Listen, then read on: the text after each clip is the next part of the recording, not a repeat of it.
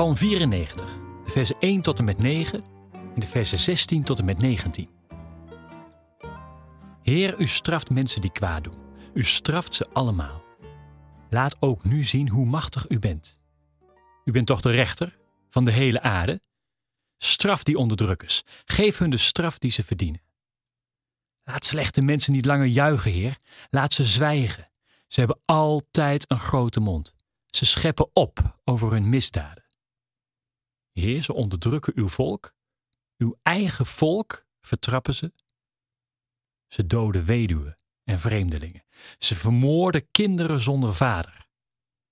Ze zeggen: De Heer ziet het niet. De God van Jacob merkt toch niets.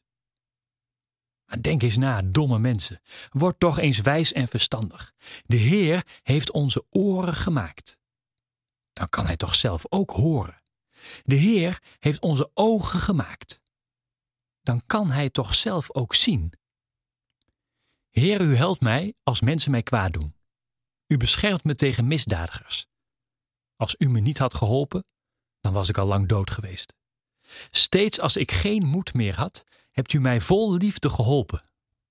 Als ik bang was en vol zorgen, hebt u mij getroost en blij gemaakt.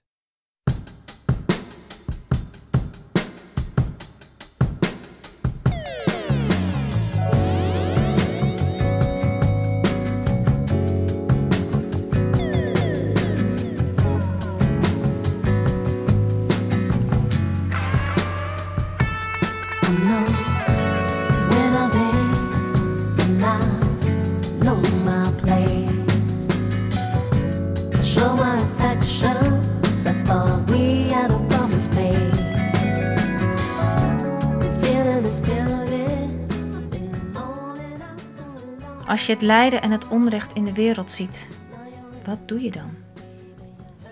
De psalmdichter spreekt uit wanhoop en woede over het kwaad in de wereld. Hij vraagt God om onrechtvaardigen, om kwaadwillende mensen een lesje te leren, een oordeel te vellen, het onrecht niet op zijn beloop te laten. De dichter is een mens die kijkt naar de wereld om zich heen en ziet dat mensen in het nauw komen. Iemand als jij en ik, die de krant openslaat en alleen maar slecht nieuws leest. Die naar het journaal kijkt en schokkende beelden ziet van hoe zwakkeren in de samenleving verdrukt worden door geld en macht. En in zijn verontwaardiging zoekt de dichter naar oplossingen en uitwegen. Eerst klampt hij God aan. Doe toch iets, dit kan toch niet? God wordt opgeroepen om onrecht recht te zetten om mensen die maar lopen te brallen en op te scheppen en zich op de borst kloppen, een toontje lager te laten zingen. Vervolgens richt de dichter zich tot degenen die het onrecht op hun geweten hebben.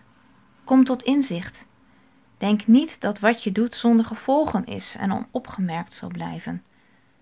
De dichter hoopt op vergelding, dat mensen die zich boven de wet plaatsen ter verantwoording worden geroepen dat ze in de kuil vallen die ze zelf gegraven hebben. Tegelijkertijd lijkt hij slechte mensen eens goed door elkaar te willen schudden en roept vertwijfeld uit: Denk toch eens na, word toch eens verstandig en wijs. Ten slotte kijkt de dichter naar zichzelf.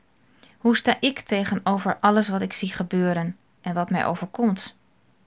Hoe blijf ik overeind en laat ik me niet meeslepen door wanhoop en frustratie?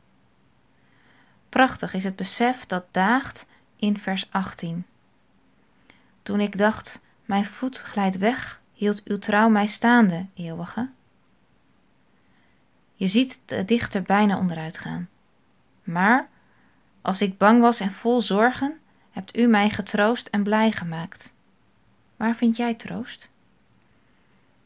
De oproep om recht te doen blijft staan ook echoot de vraag na, zoals die in de Naardense vertaling klinkt: Wie zal voor mij bij kwaadstichters opstaan?